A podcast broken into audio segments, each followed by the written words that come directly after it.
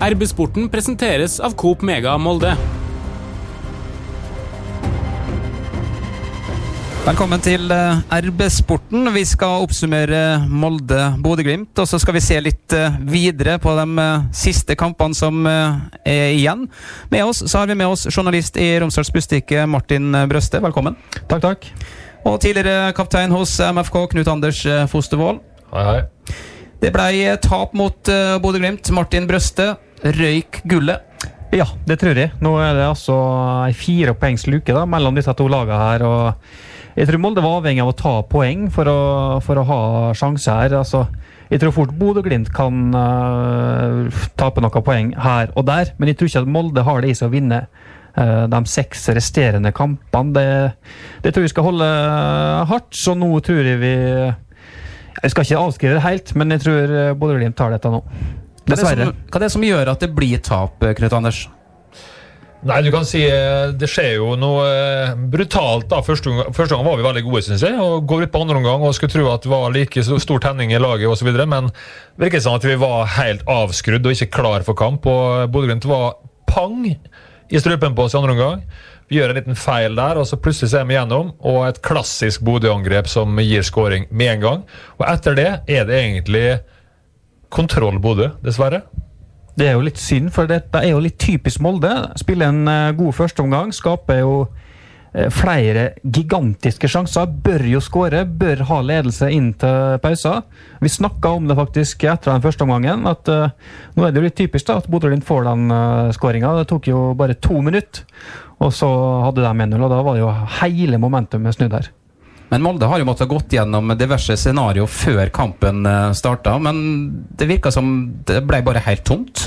Ja, det var overraskende å se hvordan Molde nesten kollapsa i andre omgang her. Altså, etter 1-0 så har Bodø-Glimt fullstendig kontroll og gjør nesten som de vil uh, utpå her. Jeg hadde jo forventa at Molde skulle få et visst trykk mot uh, Glimt-målet i løpet av andre omgangen, når, uh, når stillinga var som den var. Så da er det til slutt veldig skuffende å, se at det ender som det gjør. da. Men det er jo et Molde-lag som eh, nesten har kunnet avgjort dette i første omgang. Eh, Anders. Ja, jeg syns eh, vi var veldig gode. da, Det sa vi på radio nå når vi kommenterte at dette var et uh, solid stykke arbeid som vi gjort i første omgang. Men vi må fortsette, sa vi også. Ellers så kommer Bodø i strupen på oss med en gang. og Det var det som skjedde, dessverre. At vi var ikke helt klar for kamp andre omgang. Bodø hadde gjort et par endringer på, på elveren sin òg, som bidro. Hugo Vetlesen kom inn med veldig mye gode løp og mye gode bevegelser, og fikk tetta igjen hullene i, i midtbanen til Bodø Glimt, som jeg syns de hadde i første omgang og bidro til at dette var en helt annen kamp i andre omgang. Og vi så veldig tafatte ut. Det så ut som vi mista litt troa på det, at vi fikk den skåringa imot. Og toeren kom ikke lenge etterpå, også totalt utspilt.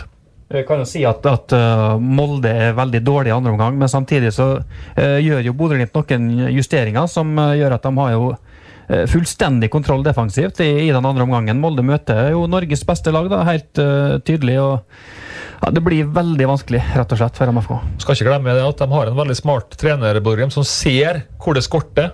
Så gjør den justeringa som man ser er nødvendig. og Det er kanskje det mest imponerende i dag. Måten de skrur til dette andre omgang og, og gjør de små endringene. De ser det grunnleggende bildet endrer seg. Og det Jeg snakka veldig mye om første omgang, da vi hadde kontroll sentralt på midten. Totalt endra andre omgang. Etter det lille byttet, den lille forskyvinga de gjør på midten der. Puff! så er Bodø-Glimt i førersetet og, og, har full kontroll sentralt. og Det sprer seg egentlig utover hele Sånn er det ofte. Den som vinner midtbaneduellen, det laget vi har veldig ofte gode sjanser til å vinne. Så dessverre, det momentet endra seg andre omgang, og vi hadde egentlig ikke sjans utover andre omgang. Syns vi var dårlige syns Bodø-Glimt var veldig imponerende. og Etter en så sterk førsteomgang som vi hadde, så er det jo litt overraskende, men kanskje enda mer frustrerende å se dette mønsteret som vi har sett litt for ofte i år. da. Fikk vi et uh, signal Vi har jo snakka om det tidligere i kamper der Molde ikke klarer å, å styre eller uh, vinne kampen med, med MFK-fotball. Bør Molde kunne være bedre på en annen type fotball når vi får sånne kamper som vi fikk i andre omgang på onsdag? Molde hadde jo ikke noe godt svar da, etter at Bodø-Glimt gjorde disse endringene der. Så det, det, er jo et problem.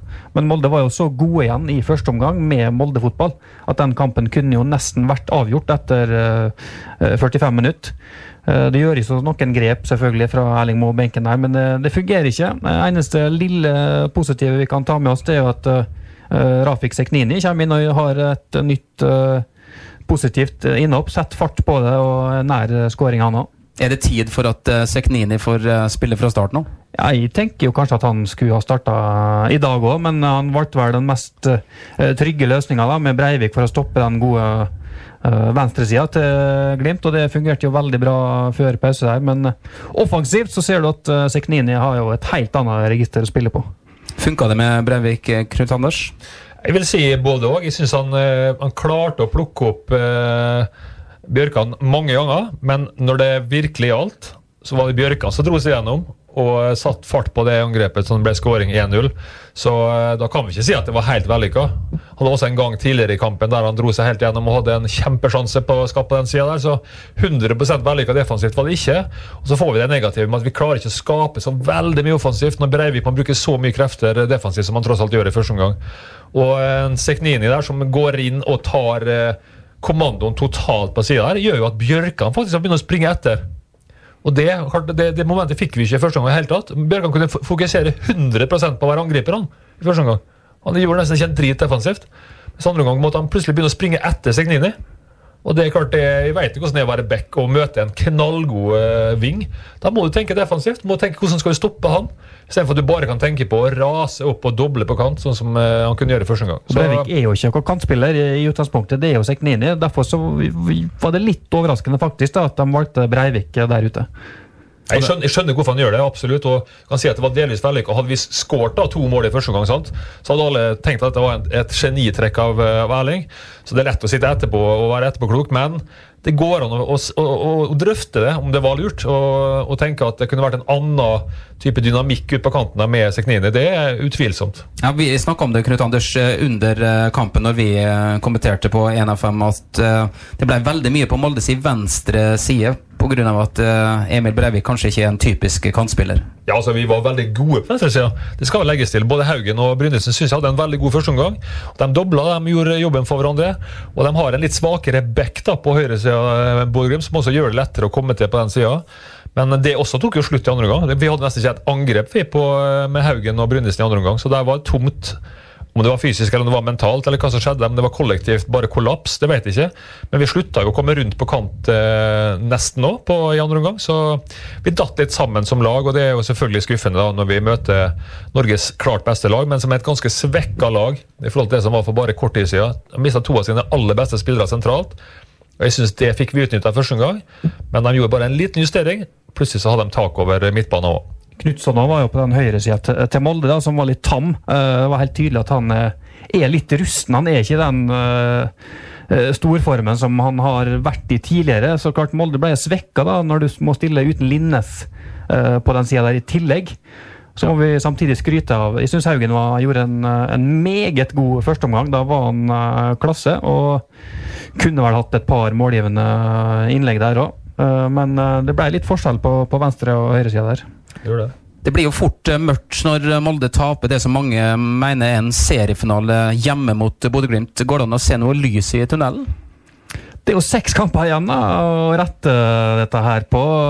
Klart Glimt har jo en, en tøff høst med noen europacupkamper. Men hvis jeg ikke husker helt feil, av de seks lagene Molde skal møte, så skal Glimt møte fem av de samme. Eh, så de har egentlig akkurat det samme kampprogrammet igjen.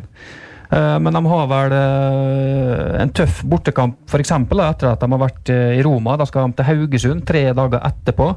De skal rett fra, fra Ukraina til borte mot Mjøndalen i siste serierunde, som potensielt eh, kjemper desperat for å overleve i, i Eliteserien. Så det er jo ikke over, sjøl om de har den luka på fire poeng. Men jeg tror det skal bli mm, veldig tøft nå altså, for Molde å ta igjen dette. Men hvis en ser rent matematisk på det, Knut Anders, så må vel Molde vinne samtlige av kampene igjen? da? Ja, sånn som eh, Bodø har fremstått, eh, ikke minst den senere tid, så er de bånn solid, sjøl uten å være topp eh, toppdekka. De er fortsatt solide, gode posisjonsspillere som kommer inn og gjør jobben sin i rolle. Da har de drilla utrolig masse på trening og spilt 11 mot 11 på trening, så at de er dobla egentlig overalt. Og har den, den, inne. da. Kvaliteten detter selvfølgelig når du mister sånne spillere som Patrick Berg. det er ikke tvil om det. Men i forhold til norsk eliteserienivå så tror jeg fortsatt at det skal bli utrolig vanskelig å ta mange poeng fra Bodø. Hvis vi allerede nå kan fokusere på neste års eh, Europa Molde har jo klart eh, gode resultater ute i Europa uten å være seriemester året i forveien.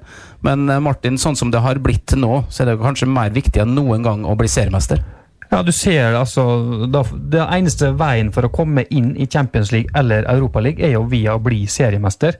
Og hvis du ser Bodø-Glimt, som har vært, vel, de har vært usida i nesten alle uh, rundene, tror jeg. De har jo møtt uh, sånne Mikke Mus-lag fra rundt omkring i hele Europa omtrent i, i, kvaliken. Så klart, Hvis du blir seriemester, så er du nesten sikra et gruppespill, vil jeg si.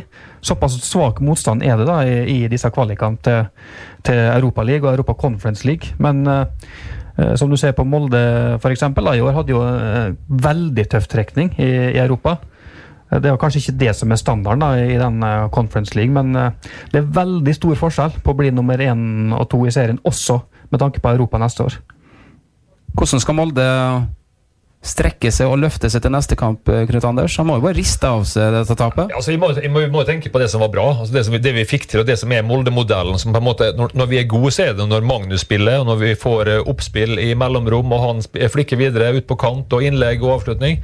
Jeg syns vi har veldig mye på gang når, når uh, vi ser førsteomgangen under ett.